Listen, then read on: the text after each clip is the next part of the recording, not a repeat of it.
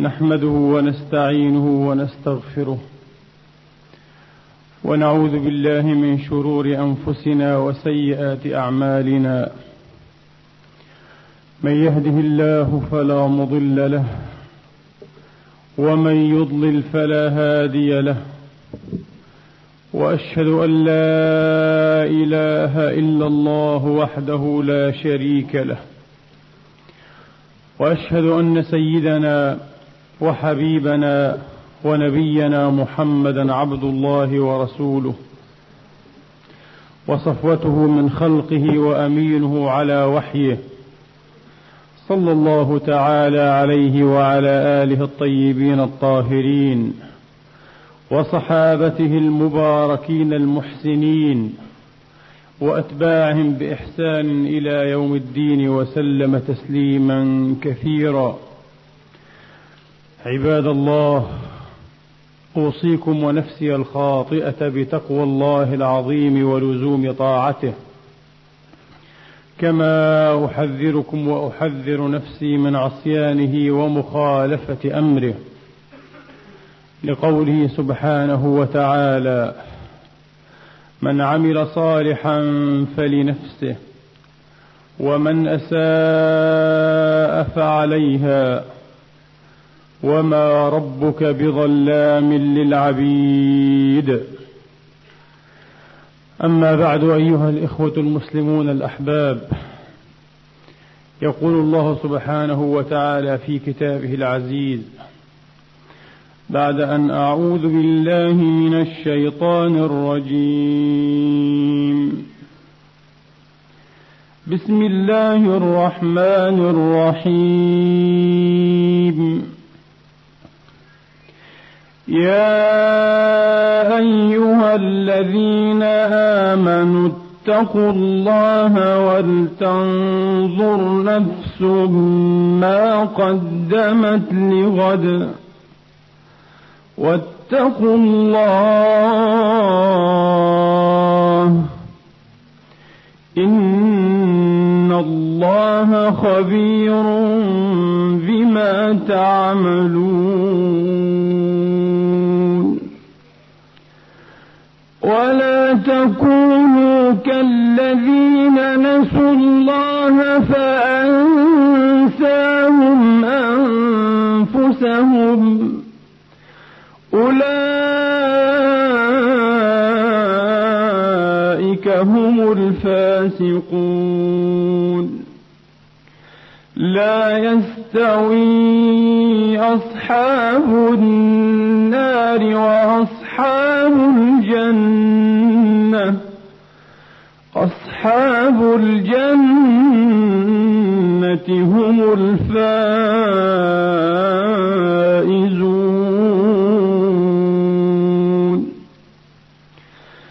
لو أنزلنا هذا القرآن على جبل لرأيته خاشعا متصدعا لرأيته خاشعا متصدعا من خشية الله.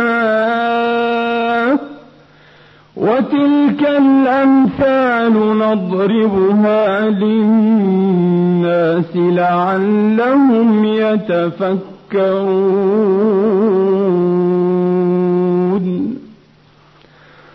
صدق الله العظيم وبلغ رسوله الكريم ونحن على ذلك من الشاهدين. اللهم اجعلنا من شهداء الحق القائمين بالقسط. آمين. اللهم آمين. أيها الإخوة الأحباب في ظل قوله سبحانه وتعالى يا أيها الذين آمنوا اتقوا الله ولتنظر نفس ما قدمت لغد واتقوا الله إن الله خبير بما تعملون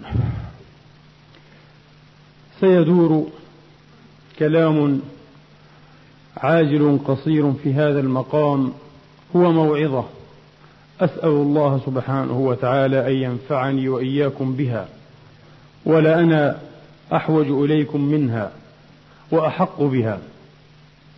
يا أيها الذين آمنوا اتقوا الله ولتنظر نفس ما قدمت لغد وكأن خير زاد يتزوده المرء لغد هو التقوى. وتزودوا فإن خير الزاد التقوى. هذه الآية تشير إلى أن خير ما يحمله المؤمن وخير ما يتزود به لغده لداره الآخرة هي تقوى الله سبحانه وتعالى. اتقوا الله ولتنظر نفس ما قدمت لغد. واتقوا الله إن الله خبير بما تعملون. ولتنظر نفس ما قدمت لغد. قفوا يا إخواني عند هذا التعبير. غد. إنه يوم غد. الذي نعبر عنه بيوم الدين بيوم القيامة. ونحسب أنه بعيد بعيد بعيد كل البعد. وهو في الحقيقة وواقع الأمر. قريب قريب قريب. كل القرب. وقيامة أحدنا تبدأ بموته. فمن مات قامت قيامته. فمن مات قامت قيامته.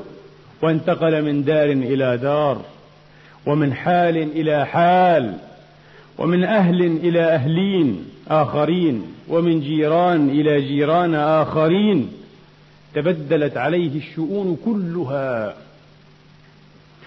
والعجيب في الأمر كما تعلمون أنه ساعة تحيل ساعته ساعة تحضر وفاته.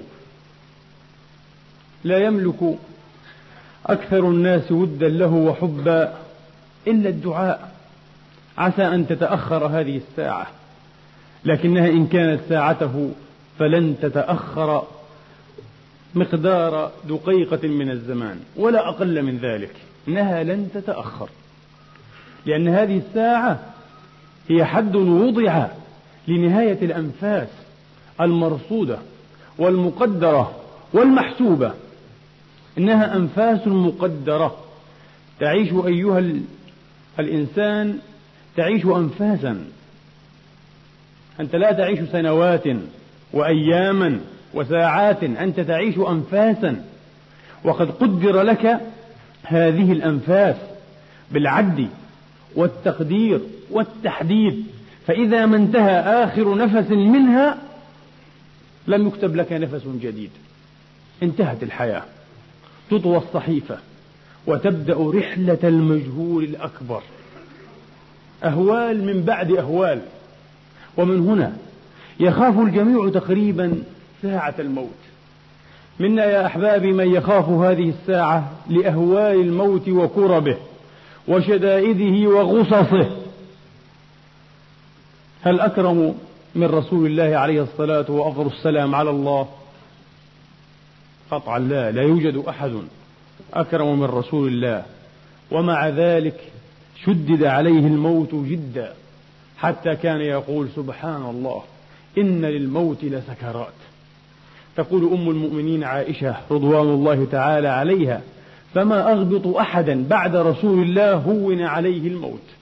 يعني لما رأت من شدة الموت على رسول الله عليه الصلاة وأفضل السلام إذا حقيق أن يخاف من الموت وهو بوابة القيامة بوابة هذا الغد الغد الذي لا ندري كيف ينصرف فيه أحدنا. فريق في الجنة وفريق في السعير. وتعلمون أنه ما من دورة ثانية ما من استئناف هي فرصة واحدة أيها المؤمن. فرصة هذا العمر فرصة هذا العمر. قال رب ارجعون لعلي أعمل صالحا فيما تركت. كلا نهى كلمة هو قائلها ومن ورائهم برزخ إلى يوم يبعثون. عالم البرزخ بين الدنيا وبين الآخرة. كلا لا يمكن. سبق القول من الله لا أحد يعود. فرصة واحدة وانقضت. كيفما كانت فقد انقضت. بالخير أو بالشر فقد انقضت وتصرمت وتولت يا عبد الله. وأنفقوا مما رزقناكم.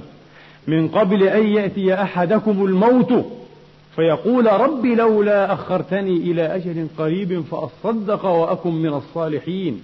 ولن يؤخر الله نفسا إذا جاء أجلها. لن يؤخر الله. هذا محال مستحيل أن يتأخر أحد. إذا لما لا نعمل لما لا نجد؟ لما لا نتوب؟ لما لا ننزع؟ ما هذه الغفلة التي ترين على قلوبنا؟ ما هذا الجمود؟ ما هذه الصلادة؟ ما هذه القسوة؟ يقول الحسن البصري رضي الله تعالى عنه الغفلة والأمل من نعم الله على عباده. لو نظرنا إليهما من وجه آخر هما من نعم الله. ولولاهما لما مشى المسلمون في الطرقات. ولكن ها هنا سؤال آخر. إذا رانت هذه الغفلة وإذا تطاول أمد هذا الأمل بالمؤمن فإنه يلحقه والعياذ بالله. يلحقه والعياذ بالله بالقاسية قلوبهم من ذكر الله. بالقاسية قلوبهم من ذكر الله. بالجامدين. يصبح ذا قلب والعياذ بالله أشبه بقلوب المنافقين أو بقلوب الجاحدين. وقد يتساءل أحدكم يا إخواني لما لا تزول غفلة بعضنا؟ لا أقول كثيرين منا. لما لا تزول غفلة بعضنا؟ بسماع المواعظ مثلا أو بقراءة كتاب الله العزيز وهو أكبر واعظ هو الواعظ الناطق. أو بالموت حين يذكر أو حين يحل بساحة أحدنا أو حين يذكر أحدنا به لما لا تنقشع سحب هذه الغفلة؟ والجواب أيها الأحباب لأن الغفلة ليست هي غفلة العقل ليست هي غفلة العقل بمعنى أنه لا يذكر أو لا يتذكر فها قد تذكر وها قد ذكر الغفلة موجودة. الغفلة إذن هي غفلة ماذا؟ غفلة القلب. القلب الغافل والعياذ بالله. القلب هو الذي يقسو والقلب هو الذي يغفل أو يغفل. القلب لا العقل العقل قد يتذكر. والإنسان قد يعظ حتى الناس بالموت مثلا وبصنوف وشتى ألوان المواعظ إلا أنه غافل لا يتذكر. لماذا؟ لأن الغفلة ترين على قلبه وليس على عقله. لو كانت الغفلة تزول بالمواعظ لكنا جميعا من المتذكرين. لسرنا جميعا في مسار التائبين العائدين إلى الله. لا ليست بمجرد أن نسمع المواعظ. المسعود هو الذي يسعده الله تبارك وتعالى فيعود ويؤوب ويتوب ويثوب بمجرد سماع موعظة أو قراءة سورة أو مجموع آيات من كتاب الله تبارك وتعالى. هذا مسعود أسعده الله. لكن كثيرا من الناس لا تعود ولا تثوب ولا تؤوب إلى الله بمجرد أن تسمع بمجرد أن تذكر ذكر العقل أو بمجرد أن تذكر من الواعظين والمنبهين. كلا الأمر أصعب من ذلك. إن الأمر يحتاج إلى موالاة إن الأمر يحتاج إلى متابعة إن الأمر يحتاج إلى شدة إلحاح. إلى طرق شديد لباب الله تبارك وتعالى. لكي يرحمنا فيزيل عنا هذه الغفلات. لكي يوقظنا من هذا النوم الثقيل الذي آد ظهورنا. لكي نحيا حياة جديدة. لكي نتذكر إذا ذكرنا. لكي نتلقى شيئا من هدى كتاب الله تبارك وتعالى إذا تلوناه أو استمعنا إلى تلاوته. فنحيا به. أو من كان ميتا فأحييناه وجعلنا له نورا يمشي به في الناس كمن مثله في الظلمات ليس بخارج منها. الناس إما ميت وإما حي حي بطاعة الله وميت بمعصية الله. والقلب كلما عصى الله تبارك وتعالى مات منه جانب. مع كل معصية يموت منه جانب ولا حياة له إلا بتوبة صادقة. تهز أركانه وتزلزله وتحييه من جديد إذا أسعده الله وتقبل منه هذه التوبة الصالحة. فالمسألة يا إخواني تحتاج إلى متابعة. أيها المؤمن حتى لو آنست من نفسك هذه القسوة وتأكدت وتيقنت وتيقنت من هذه الغفلة ولم تنفعك المواعظ ولم تنفعك الآيات تتلى على مسامعك لا تيأس من رحمة الله. المؤمن لا ييأس ولا يخنط من رحمة الله تبارك وتعالى. وكل ما عليك أن تعيد الطلب وأن تلح متضرعا مبتهلا إلى الله أن تسفح الدمع. إذا أسعدك هذا الدمع ووافاك اسفح الدمع على أبواب الله على أعتاب الحضرة الإلهية. واسأله تبارك وتعالى ولو من وراء القلب ولو ترديدا باللسان عسى أن توافق ساعة إجابة. تفتح فيها أبواب السماء فترفع هذه الدعوة. إلى الملك الجليل الأعلى تبارك وتعالى. وتقبل منك فربما أسعدتك دعوة يا أخي وأنت لا تدري. دعوة واحدة.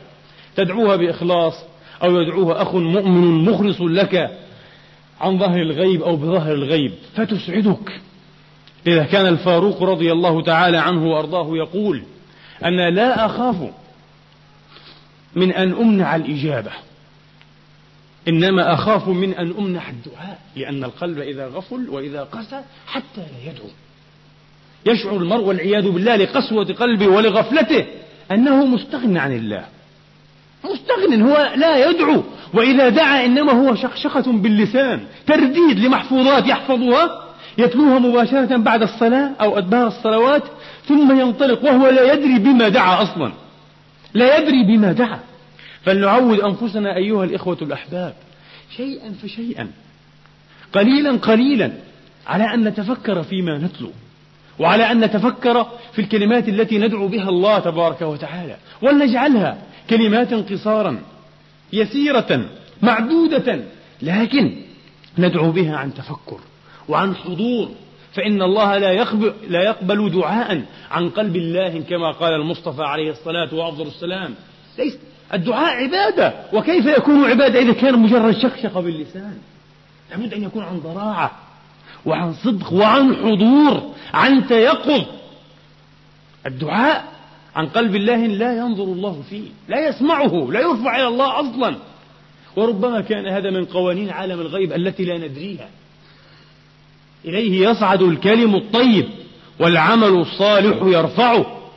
إذا كان كلما طيبا هو في ذاته طيب وخرج من قلب طيب بلسان طيب يرفضه عمل ومسعى طيب. هذا هو الكلم الطيب يقبله الله. أما إن كان في ذاته كلما طيبا فالكل يقوله. لكن منا من يقول عن قلب وعن تذكر وعن حضور ومنا من يقول عن تله وعن غيبة والعياذ بالله. فلا يسمع ولا يرفع ولا يعبأ به ولا يعبأ به فألظوا. فألظوا وألحوا يا إخواني بالدعاء بالضراعة بطرق باب الرحمن تبارك وتعالى. لأستسهلن الصعب أو أدرك المنى فمن قادت الآمال إلا لصابري أحدهم يقول كابدت الصلاة عشرين سنة حتى تنعمت بها. عشرين سنة يحاول أن يصلي صلاة الخاشعين صلاة الورعين صلاة الواصلين ولا يستطيع. لكن قطعا كان يتقدم رتبة من بعد رتبة درجة فوق درجة إلى أن وصل بعد عشرين سنة لكنه لم ييأس ولم يقنط من رحمة الله تبارك وتعالى. الطريق طويلة وتحتاج إلى إلحاح. يا أيها الذين آمنوا اتقوا الله ولتنظر نفس ما قدمت لغد. فلنقارن أيها الإخوة الأماجد بين ما نقدمه لليوم وبين ما نقدمه للغد. كثيرون منا يسعون مجدين لكي يقدموا لليوم للدنيا. وهم في ذلك قد يكونون محسنين. فإن الله تبارك وتعالى أوصانا ألا ننسى حظنا ونصيبنا من الدنيا وكفى بالمرء إثما أن يضيع من يعول. ولكن ألا ترون معي أيها الإخوة الأحباب أن السعي للدنيا وهي العاجلة. من كان يريد العاجلة عجلنا له فيها ما نشاء لمن نريد. ثم جعلنا له جهنم يصلاها مذموما مدحورا. ومن أراد الآخرة وسعى لها سعيها وهو مؤمن فأولئك كان سعيهم مشكورا. هذه العاجلة أولا ترون معي أنه ينبغي أن نقارن بين سعينا بين مقدار سعينا ومقدار جهدنا ومقدار جرينا ولغوبنا ونصبنا. من أجل هذه العاجلة بمقدار أيضا ما نسعى وما نجهد وما نتعب وما ننصب لأجل الآخرة. هذه المقارنة و... هذه المقارنة واجبة. لا يصح أبدا أيها الإخوة أن نجعل عظم سعينا معظم أن نجعل عظم سعينا للدنيا وفضول أوقاتنا وسعينا للآخرة. لا يصح هذا. لا يصح هذا بتة. لماذا؟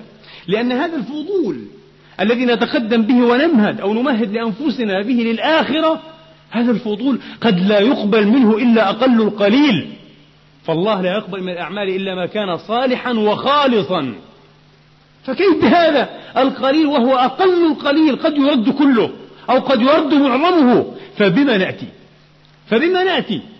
ربنا يوم القيامة. ماذا نجيب عن أنفسنا يوم القيامة؟ كلا. أيها الإخوة يجب أن يكون سعينا للآخرة على قدر ما تستحق هذه الآخرة. وأن يكون سعينا للدنيا على قدر ما تستحق هذه الدنيا. هذه الدنيا ليست دار إقامة ليست دار أبد إنها عاجلة. من كان يريد العاجلة؟ أي أيوة ونسي الآخرة. نسي الآجلة عجلنا له فيها. هذا من الفتنة. عجلنا له فيها ما نشاء والعياذ بالله. وانظروا إلى كثيرين من الكفار. ربما كان أكثر أغنياء الدنيا من الكفار وليسوا من المسلمين. إن الله تبارك وتعالى يعجل لهم الخير. يمد لهم من الحبال من حبال الغنى والجاه والسلطان والمال مدا. لكن هذا ليس دليل كرامة. ليس دليل كرامتهم على الله. كلا. أبدا. كان الإمام أبو عبد الله أحمد بن حنبل رضوان الله تعالى عليه يقول أحب أحوالي إلي حين لا يكون عندي شيء. حين أشعر بالفقر معدم معوز ليس عندي شيء أحب أحوالي. إنه لا يتقرب إلى الله بشيء كهذا الشيء. لماذا؟ لأنه وجد من نفسه وهو الإمام المنقطع للعلم والصلاح والعبادة والزهادة أنه كلما كثر هذا الشيء شغل قلبه. وألهاه هو لا يستطيع. ربما استطاع بعض الناس. يقول عليه الصلاة وأفضل السلام فيما أخرجه الإمام أحمد رضوان الله تعالى عليه. هذا هو الإمام الفرد العلم. في مسنده عن محمود بن لبيد رضي الله عن صحابة رسول الله أجمعين قال عليه الصلاة وأفضل السلام اثنان أي أمران اثنان. اثنان يكرههما ابن آدم. يكره الموت والموت خير له من الفتنة. قد تفتن. قد تعيش ويطول بك عمر. يسلمك إلى الفتنة والعياذ بالله. ومن هنا استحب بعض الصالحين أن يقبضوا إلى الله في حال إحسانهم. في حال يظنون أنهم نوعا ما محسنون متقربون تائبون كانوا يحبون أن يقبضوا. روى عبد الحق الإشبيلي في العاقبة وبتفصيل أكثر الإمام المقدسي في الرقة. رحمة الله على الجميع. أن عمر بن عبد العزيز رضي الله تعالى عنه وأرضاه وقدس الله سره الكريم. هذا الرجل الصالح أمير المؤمنين. دعا بعبد الله بن أبي زكريا ذات يوم. وابن أبي زكريا هذا هو أحد أعلام الشام. كان من العلماء الزاهدين وكان صاحب غزو أي صاحب جهاد. قال الإمام الأوزاعي لم يكن يفضل عليه أحد من أهل الشام. كان أفضل أهل وقته في بلاد الشام. دعا عمر بن عبد العزيز بهذا الإمام الفقيه وقال له يا أخي أتدري لما دعوتك؟ فقال لا أدري يا أمير المؤمنين. قال لأمر لست ذاكره لك حتى تحلف لي. أريد منك حاجة. أريد منك شيئا. لكن لن أعرب عن هذا الشيء حتى تحلف لي أنك ستفعله. قال يا أمير المؤمنين كل ما تطلبه أنا أفعله لك. قال احلف حتى تحلف. فحلف له. قال له أيها الشيخ أريدك أن تدعو لي بالموت. أن أموت. لا أريد طول حياة. هذا قبل أن يطعن أو قبل أن يسمى عفوا يدس له السم رضي الله عنه وأرضاه. قال بئس وافد المسلمين أنا يا أمير المؤمنين. ألهذا دعوتني؟ بئس الوافد أنا. بئس وافد المسلمين أنا يا أمير المؤمنين. ولأنا والله إذا عدو للمسلمين. قال ها قد حلفت لي. لا تستطيع أن ترجع. ها قد حالفت لي. فقال الحمد لله نعم. ثم رفع يديه. ودعا له بقرب الموت رضي الله تعالى عنهم وأرضاهم أجمعين. وقد كان ابن عبد العزيز يعلم أن هذا الصالح الفقيه من مجابي الدعوة. وهكذا كانوا يجمعون العلم إلى العمل. العلم إلى الصلاح ليس علم اللسان. فدعا له بقرب الموت ثم دعا أن يلحقه الله به أن يموت هو أيضا لأنه لا يحب الحياة بعد أمير المؤمنين. بعد هذا الرجل الصالح الذي كان أكثر ذكرا وأكثر تذكيرا لهم بالآخرة والموت رضوان الله تعالى عليه. فبينهما كذلك إذ دخل ولد صغير لأمير المؤمنين عمر فقال وهذا أنا أحبه أدعو له. فدعا له. يقول الراوي فماتوا جميعهم فماتوا جميعا قريبا من قريب في جمعة في أسبوع واحد. اذا كان يحب الموت لماذا؟ لأنه لا يحب الفتنة. يكره الموت والموت له خير من الفتنة. ربما وجد نفسه على حال يصح أو يأمل أن يلقى الله تبارك وتعالى عليها. فدعا الله تبارك وتعالى بواسطة هذا العبد الطيب الصالح الفقيه مجاب الدعوة أن يقرب أجله أن يأخذ أمانته كما نقول نحن في العامية. وكيف مات عمر بن عبد العزيز رضي الله تعالى عنه وأرضاه؟ لاذوا به ساعة موته. أقرباؤه وإخوانه وأحيانا زوجه وخادمه مسلمة. لاذوا به. فقالوا له يا أمير المؤمنين أوصنا. قال أذكركم مثل مصرعي هذا. انظروا كلكم كلكم ستعاينون ما أعاين وستلقون ما ألقى الآن وستصرعون هذا المصرع أذكركم مثل مصرعي هذا. اعملوا لساعة الموت اعملوا لساعة اللقاء ثم جعل يجهش بالبكاء رضي الله عنه. فقيل له يا أمير المؤمنين لم تبكي؟ وقد أحيا الله بك سننا وأقام بك عدلا وأظهر بك أمنا. فقال أبكي والله لأنني سأوقف بين يدي الله وأسأل عن هذا الخلق عن هذه الرعية. أسأل عن هذا الخلق واحدا واحدا. فوالله لو عدلت فيهم وهو لا يظن نفسه أنه من إيه؟ من أهل القسط والعدل لا يظن نفسه وهكذا هم الصالحون أبدا يتهمون أنفسهم ويهضمونها ويزرون عليها لو عدلت فيهم وما يظن ذلك في نفسه لظننت أن نفسي لا تقوم لحجتي بين يدي الله حتى لو لقيت الله عادلا لا أظن أنني سأستطيع أن أقوم وأحاجج عن نفسي. لماذا؟ لأنني سأحاجج بين يدي الله رب العالمين. إلا أن يلقنني الله حجتي. إذا هو ثبتني.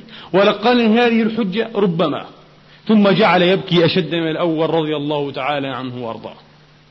خف الناس من عنده قليلا. وكانت عنده فاطمة. وخادمه مسلمة رضي الله عنهما. فجعل يعاين وينظر ويقول الله أكبر الله أكبر حضرة ما هي بإنسان ولا جان. حضرة ما هي بإنسان؟ جعل ينظر إلى الملائكة الملائكة الطيبين التي تأتي مبشرة العبد في مثل هذه الساعة.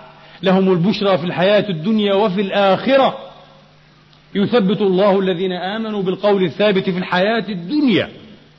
على ألسنة الملائكة وبإلهامها وتثبيتها وفي الآخرة في القبر. عند سؤال الملكين منكر ونكير حضرة ما هم بإنسان ولا جان؟ اتركوني واخرجوا عني ساعة. وقد دعا الله تبارك وتعالى أن يغيب ويخفي موته عنهم ساعة. أن يموت ويظل ميتا ساعة دون أن يدروا به. تقول فاطمة فخرجنا من عنده. ثم عدنا وجلسنا قريبا من الباب عند العتبة. فسمعناه يتلو قول الله تبارك وتعالى تلك الدار الآخرة نجعلها للذين لا يريدون علوا في الأرض ولا فسادا والعاقبة للمتقين. لا علو ولا فساد لأن المرء قد يعلو بإصلاح هنا لا علو ولا فساد لا نريد هذا العلو ولا نريد هذا الفساد. وقد كان هذا نقش خاتمه رضي الله عنه وأرضاه. كان كتب هذه الآية الجليلة على خاتمه على فص خاتمه. تلك الدار الآخرة نجعلها لها شروط يا إخواني لها شروط. نجعلها للذين لا يريدون علوا في الأرض ولا فسادا. والعاقبة العاقبة لمن؟ للمتقين. اتقوا الله ولتنظر نفس ما قدمت لك وتزودوا فإن خير الزاد التقوى. ولا يمكن حقيقة التقوى أن تبتعد عن كل ما يغضب الله. لا أن تحصب في حبل المعاصي ثم تحسب أنك من المتقين. كلا أن تبتعد عن كل ما يسخط الله تبارك وتعالى. قالت فاطمة رضي الله عنها زوجه بنت عبد الملك ثم هدأ صوته قليلا قليلا حتى انقطع. فدخلنا عليه فإذا هو قد قبض وغمض نفسه من كرامته على الله أن الله أمكنه من أن يغمض عينيه. لأن الروح إذا خرج أو النفس إذا خرجت تبعها البصر. في المعراج في معراج النفوس. اثنان يكرههما ابن آدم. وهما خير له. يكره الموت والموت خير له من الفتنة. ويكره قلة المال وقلة المال أقل للحساب. هكذا يقول المصطفى عليه الصلاة والسلام. ويكره قلة المال هو يريد أن يتزود بالمال وليس بالتقوى وأن يستكثر وهو لا يشبع ولا يقنع وكأنه يعد هذا المال لحياة الأبد. والمسكين لا يدري ربما يموت بعد سنة أو بعد يوم أو بعد ساعة أو بعد لحظة لكن يعد من المال ما يعرب عن طول أمله الطويل الممدود. أمله طويل إلى ألف سنة. بعض الناس يجمع والله من المال ما لا ينفقه في سبيل الله ولا يدعم به قضية المسلمين. ولا يخرج ربما منه حق الله والضعفاء والمساكين والمحاويج. وهذا المال يكفي لو عاش ألف سنة أو أكثر. قطعا من الناس من عندهم الأموال لو عاش مئة ألف سنة يكفيه المال إلا أنه لا يقنع ولا يشبع ولا يتوقف المسكين. وعما قليل يموت. يترك هذه المتع والشهوات والأموال للورثة ويسأل عن كل قرش عن القطمير والنقير. أيكم مال ورثته أحب إليه من ماله؟ كما في البخاري يقول عليه الصلاة والسلام. قالوا يا رسول الله ما منا أحد إلا ماله أحب إليه من مال ورثته. قال فمالك ما قدمت ما قدمت الآخرة. ومال ورثتك ما تركت. ما تركته هو للورثة وليس لك يا مسكين. فاجعل المال لك. قدمه للآخرة. قدمه تجده أمامك. قدمه تجده أمامك. إن تركته خلفك كان لهم به التمتع والتلذذ وعليك الحساب والسؤال. ويكره قلة المال وقلة المال أقل للحساب. يقول أحد تلاميذ هذا الإمام الجليل أحمد بن حنبل الذي لم يكن يرى نفسه من الزاهدين ولا من الورعين وإذا ذكر عنده أهل الزهد والورع بكى وقال أخاف والله أن يعذبنا الله. بذكر هؤلاء هو يخاف أن يعذبه الله تبارك وتعالى لإسرافه في الدنيا. انظروا إلى هذا الإمام الذي يظن نفسه متوسعا في الدنيا. يقول أحد تلاميذه طلب أو استعمل للإمام أبي عبد الله خف. أي طلب له خف جديد وصي عليه. فأتيت به خف خف وليس حذاء فارها. خف. فأتيت به. فلما أصبح قال لي يا فلان يا أبا بكر. يا فلان يا أبا بكر لقد شغل هذا الخف قلبي فلم أبت الليلة قال لعله قال عامة ليلي طول الليل وأنا أفكر. شوش علي قلبي. لقد عزم لي على ألا ألبسه. استخرت الله واستخرته واستخرته فعزم لي على ألا ألبس هذا الخف. لا أريده خذه. عد بهذا الخف. يا أبا بكر يقول لتلميذه كم ترى بقي؟ ما بقي أقل بكثير مما مضى. كم بقي في العمر؟ لماذا خف جديد؟ كم ترى بقي؟ ما بقي أقل مما مضى. ثم دفع علي خفا قديما وقال اضرب على هذه الخروق ورقع خروقه. تدري منذ كم أو منذ متى هذا الخف لدي؟ قلت لا قال منذ ستة عشرة سنة. ولقد أخذته وهو لبيس يعني كان مستعملا لم يأخذه جديدا. منذ ستة عشرة سنة. قال هذا يكفيني. هذا الخف الخلق رقعه هو يكفيني. ولا يظن نفسه من الورعين ويخشى أن يعذبه الله. ولا يرى نفسه من الزاهدين. فماذا يقول أمثالنا؟ أف لنا وتف والله. أف لنا وتف. أسأل الله تبارك وتعالى أن يعيد علينا من بركاتهم وأن يرزقنا شيئا من بعض صدقهم وزهدهم. فنحن والله مسرفون مسرفون مسرفون.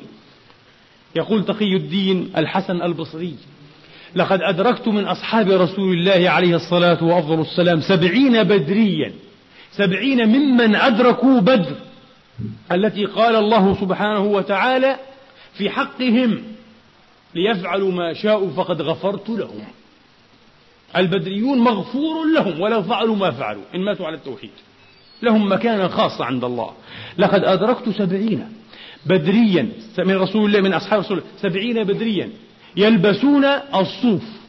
والصوف هذا لباس الفقراء والمتقللين من متاع الدنيا. إذا تعرق الإنسان خرج له ريح مثل ريح الضأن. لا يلبسه المترفون والأغنياء يلبسه الفقراء. ثم بعد ذلك درجة الصوفية ويقال ينسبون إليه. ولا يصح هذا معنى. المهم يلبسون الصوف. لو رأيتموهم لقلتم مجانين. كيف يمشون؟ كيف يأكلون؟ كيف يصلون؟ كيف يلهجون بذكر الله؟ كيف يتآمرون بالمعروف؟ يتناهون عن المنكر؟ كيفية علاقتهم بالله؟ لقلت هؤلاء مجانين. لو رأيتموهم الحسن البصري يقول لقلتم مجانين. ولو رأوا خياركم لقالوا ما لهؤلاء من خلاق ولو رأوا شراركم لقالوا ما يؤمن هؤلاء بيوم الحساب. من القائل؟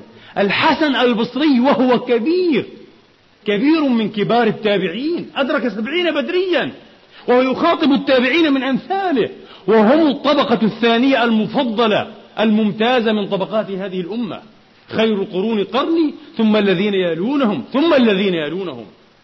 يعني تابعي التابعين. لو رأيتموهم لقلتم مجانين. ولو رأوا خياركم لقالوا ما لهؤلاء من خلاق. ولو رأوا شراركم لقالوا ما يؤمن هؤلاء بيوم الحساب.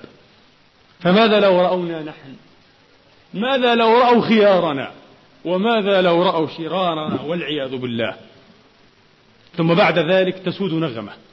أننا مسلمون ومؤمنون وربما يظن أحدنا أنه أقرب إلى الله من هؤلاء السلف. وأنه أفضل منهم. وأنه أوسع فهما للإسلام منهم. وأن فهومهم كانت ضيقة وعجيبة وغريبة. لا تتناسب مع روح الإسلام عياذا بالله. نعيد أنفسنا بالله. أن نظن أنفسنا بمنزلة يمكن لنا معها أن نحكم عليهم أصلا. والعياذ بالله والعياذ بالله. كان أحمد بن حنبل والحديث عنه لا يزال. كان إذا سئل في مسألة من مسائل الورع والزهد يقول مثلي لا يسأل في هذا. أنا مسرف. وإنما يسأل عن مثل هذا بشر بشر ابن الحارث. لما بلغه موته بكى تقدمه بشر موتا بكى وقال كان له أنس. كان لكلامه ومحضره أنس. تأنس به القلوب تحيا به النفوس. كان له أنس رضي الله تعالى عنهم وأرضاهم أجمعين. يروي أحد تلامذة الإمام يقول حدثني فلان. جار لنا يقول كانت أمي زمنة أي مريضة مرضا مزمنا زمنة مقعدة منذ عشرين سنة مشلولة لا تتحرك لا تقوم لا تنهض على قدميها رجليها منذ عشرين سنة. فقالت لي يا بني يا فلان يرضى الله عنك لو أتيت الإمام أبا عبد الله تعني أحمد بن حنبل. فسألته أن يدعو الله لي بالشفاء؟ هذا رجل صالح ومقبول الدعاء. فقال أفعل إن شاء الله يا أمة. قال فجئته وطرقت عليه الباب وهو في دهليزه فقال من؟ قلت أنا فلان من هذه الناحية يعني من الناحية الفلانية. جئتك يا أبا عبد الله يا شيخنا أسألك أن تدعو لأمي فهي زمنة مقعدة منذ عشرين سنة أن تدعو الله لها بالشفاء. قال فجاءني كلامه كلام مغضب. قال نحن والله أحوج أن تدعو لنا. أنت تطلب مني الدعاء؟ أنا أكثر إنسان أحتاج إلى الدعاء. نحن والله بغضب. نحن والله أحوج أن تدعوا لنا. ادعوا أنتم لنا. قال أحد الأئمة لم يزهد أبو عبد الله في الدراهم فقط وإنما زهد في الناس. فذكر له ذلك فتأثر وقال ومن أنا حتى أزهد في الناس؟ مثلي يزهد فيه الناس. انظروا إلى التواضع. انظروا إلى الصدق. من أنا حتى أزهد في الناس؟ أنا أقول أنا زاهد في الناس؟ مثلي يزهد فيه الناس. المهم قال الرجل فوليت. فإذا بالباب قد فتح وخرجت امرأة عجوز وقالت يا فلان يا عبد الله أنت الرجل الذي طرقت الباب وسألت الإمام كذا وكذا؟ قلت نعم والله يا أمة الله. قالت ها قد تركته يدعو. أبشر. لعلها زوجة الإمام أو خادمة عنده وهذا أقرب خادمة. ها قد تركته يدعو. فاستبشر الرجل. قال فوصلت إلى البيت وأمي فيه فطرقت عليها الباب. فوالله ما فتح لي الباب إلا هي تمشي على رجليها. هذا هو النعيم. هذا هو الشرف المؤبد. هذه هي السعادة. ما عسى هذا الإمام وما عسى حاله يكون حين يلقى الله تبارك وتعالى. رضي الله تعالى عنه وأرضاه. أسأل الله تبارك وتعالى أن يعيد علينا من نفحاتهم. أقول قولي هذا وأستغفر الله لي ولكم فاستغفروا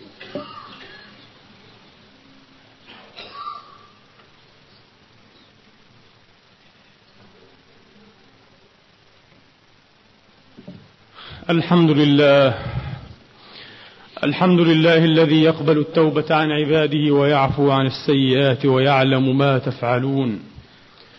ويستجيب الذين آمنوا وعملوا الصالحات ويزيدهم من فضله. والكافرون لهم عذاب شديد. وأشهد أن لا إله إلا الله وحده لا شريك له الملك الحق المبين. وأشهد أن سيدنا وحبيبنا ونبينا محمدا عبد الله ورسوله الصادق الوعد الأمين. صلوات ربي وتسليماته وتشريفاته وتبريكاته عليه وعلى آله الطيبين وصحابته الميامين وأتباعهم بإحسان وعلينا وعليكم والمسلمين معهم أجمعين. من هؤلاء الزاهدين الصالحين يا إخواني الذين ينظرون إلى أنفسهم هذا النظر ويزرون عليها هذا الإزراء كله تابعي من صغار التابعين. من البصرة هو عطاء السليمي عطاء السليمي رضي الله عنه وأرضاه. تقول زوجه لأحد إخوانه لو رأيت عطاء يبكي الليل والنهار كله لا يفتر ليل نهار يبكي من خشية الله. كان عطاء هذا يا إخواني إذا زاد الطعام أي إذا غلى سعره. يقول ما أصاب الناس هذا إلا بعطاء. ليت عطاء يموت فيستريح الناس. أكيد من ذنوبي. من ذنوبي عذب الله الناس فغلى السعر. الذي يبكي ليل نهار لا يفطر. فإذا صار برق ورعد شديد قال هذا من عطاء. هذا بسبب ذنوبي. ليت عطاء يموت فيستريح الناس. يقول عبد الواحد بن زيد أتيته ساعة احتضاره فوجدته جزعا. يبكي. قال فجعلت أتأثر لحاله وأتململ. فقال ما بك يا عبد الواحد؟ وهذا أيضا من أعيان الصالحين عبد الواحد ابن زيد. ما بك يا عبد الواحد يا أخي؟ فقلت من أجلك. فقال والله لوددت أنها تتلجلج في حلقي أي روحه يعني نفسه. لوددت أنها تتلجلج في حلقي إلى يوم القيامة. ولا ألقى الله. هو يخشى. يخشى أن تخرج فإذا خرجت هلك. قال نعم أنا أتعذب. والموت علي شديد وغصصه شديدة جدا. لكن أنا أود أن تبقى هذه الحالة في وعلي وبي إلى يوم القيامة. تتلجلج روحي في حلقي لا تخرج لأنه يخشى أن يلقى الله. فهذا أيضا مما ينبغي أن نخشى الله. لأجله وأن نخاف ساعة الموت لأجله لأننا لا ندري. مسعر ابن كدام شيخ العراق الكوفي شيخ العراق في وقته وكان عصريا لسفيان الثوري إمام الإسلام الخامس. مسعر ابن كدام يقول سفيان أتيت مسعر وهو يحتضر. فوجدته أيضا يبكي خائفا وجلا. فقلت له يا أخي لم تبكي؟ والله لو وددت أني مت الساعة. فقال الإمام مسعر أقعدوني. فأقعدوه. ثم استعاده كلامه. أحد علي ما قلت يا سفيان؟ يا أبا سعيد؟ فأعاد عليه الإمام سفيان الثوري كلامه. فقال إنك لواثق بعملك إذا يا أبا سعيد. أنت ربما عندك أعمال صالحة كثيرة وأنت واثق بها. وأما أنا فأنا على شاهقة جبل. لا أدري أين أهبط. أنا الآن أستشرف. هذا هو هول المطلع. الشاهق المكان المرتفع الذي ترى منه الآخرة. قال أنا على شاهقة جبل ولا أدري أين أهبط. أفي الجنة أو في النار؟ يا ناظرا يرنو بعيني راقدي ومشاهدا للأمر غير مشاهد منيت نفسك ظلة وأبحتها. طرق الرجاء وهن غير قواصد. تصل الذنوب إلى الذنوب وترتجي. درج الجنان بها وفوز العابد. ونسيت أن ربك أخرج آدما منها إلى الدنيا بذنب واحد. نحن والله هذا. نحن والله كلنا هذا الرجل الذي يصفه الشاعر. كلنا هذا الرجل الذي يصفه وينعته الشاعر. يا ناظرا يرنو بعيني راقدي ومشاهدا للأمر غير مشاهد. منيت نفسك ظلة ظلة في جنان النعيم في الفراديس العلا مع النبيين والصديقين والشهداء والصالحين. هكذا تمني النفس. منيت نفسك ظلة وأبحتها. أن تسير في طرق الرجاء. وأبحتها طرق الرجاء وهن غير قواصد تصل الذنوب إلى الذنوب وترتجي بها بالذنوب بفعل الذنوب والعياذ بالله. درج الجنان المنازل العالية. الدرج الرفيع السامقة في الجنة. درج الجنان بها وفوز العابد. ونسيت أن ربك أخرج آدما. وهو خلق كريم عليه نبي من أنبيائه. وأول خلق صنعه بيديه. ونفخ فيه من روحه وجعله مسجود الملائكة. آدم أخرجه من الجنة بذنب واحد. أفندخل نحن الجنة بكل هذه الذنوب؟ بكل هذه المبارزات؟ وأخيرا أختم بهذه القصة المؤثرة. يقول عبد الواحد ابن زيد دخلت على حبيب العجمي أبي محمد رضي الله عنهما. أبو محمد حبيب الفارسي العجمي. كان من كبار الصالحين. كان يأتي دجلة فيأخذ متاعه ويمشي عليها يجوزها إلى الشاطئ الآخر. يرى الناس كلهم ذلك. هذا من من بسيط من صغير كراماته. أبو محمد حبيب العجمي. دخلت عليه وهو يحتضر في السياقة أي في سياقة الموت. قال فجعل يقول بالفارسية وقد استبد به الخوف والجزع. في حال خوف شديد جدا جدا. يقول بالفارسية أريد أن أسافر سفرا ما سافرت مثله قط. لذا هو جزع وخائف يعني سأسافر سفرا. هذا تعبيره. ترجمة تعبيره بالعربية.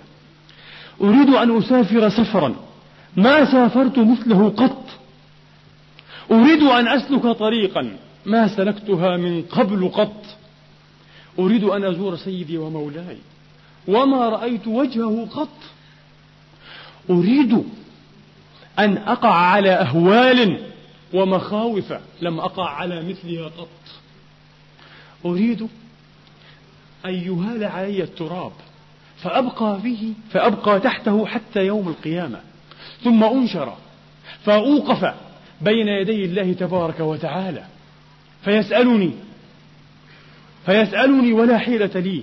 يا حبيب هل سبحتني في ستين سنة وهي عمرك؟ تسبيحة واحدة لم يظفر منك الشيطان فيها بشيء. تسبيحة خالصة لي أنا لوجه الله لوجهي أنا الخالق. قال فماذا أقول ولا حيلة لي؟ ثم قال أقول ها قد جئت يا رب ها أنا قد جئت مغلولة يداي إلى عنقي رضي الله تعالى عنهم وأرضاهم. كلنا سنصير إلى هذه الساعة. كلنا سنعاين ما عاين هؤلاء. أسأل الله تبارك وتعالى أن يوقظنا من غفلتنا وأن ينور ضمائرنا وأن يقدس سرائرنا وأن يعود بنا إلى صراطه المستقيم فلا نضل ولا يغضب صراط الذين أنعم عليهم سبحانه اللهم اغفر لنا, ما قدمنا وما أخرنا وما أسررنا وما أعلنا وما أسرفنا وما جنينا على أنفسنا وما أنت أعلم به منا.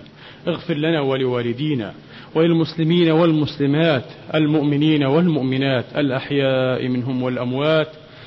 بفضلك ورحمتك إنك سميع قريب مجيب الدعوات. عباد الله إن الله يأمر بالعدل والإحسان وإيتاء ذي القربى وينهى عن الفحشاء والمنكر والبغي. يعظكم لعلكم تذكرون فستذكرون ما أقول لكم وأفوض أمري إلى الله. إن الله بصير بالعباد وقوموا إلى صلاتكم.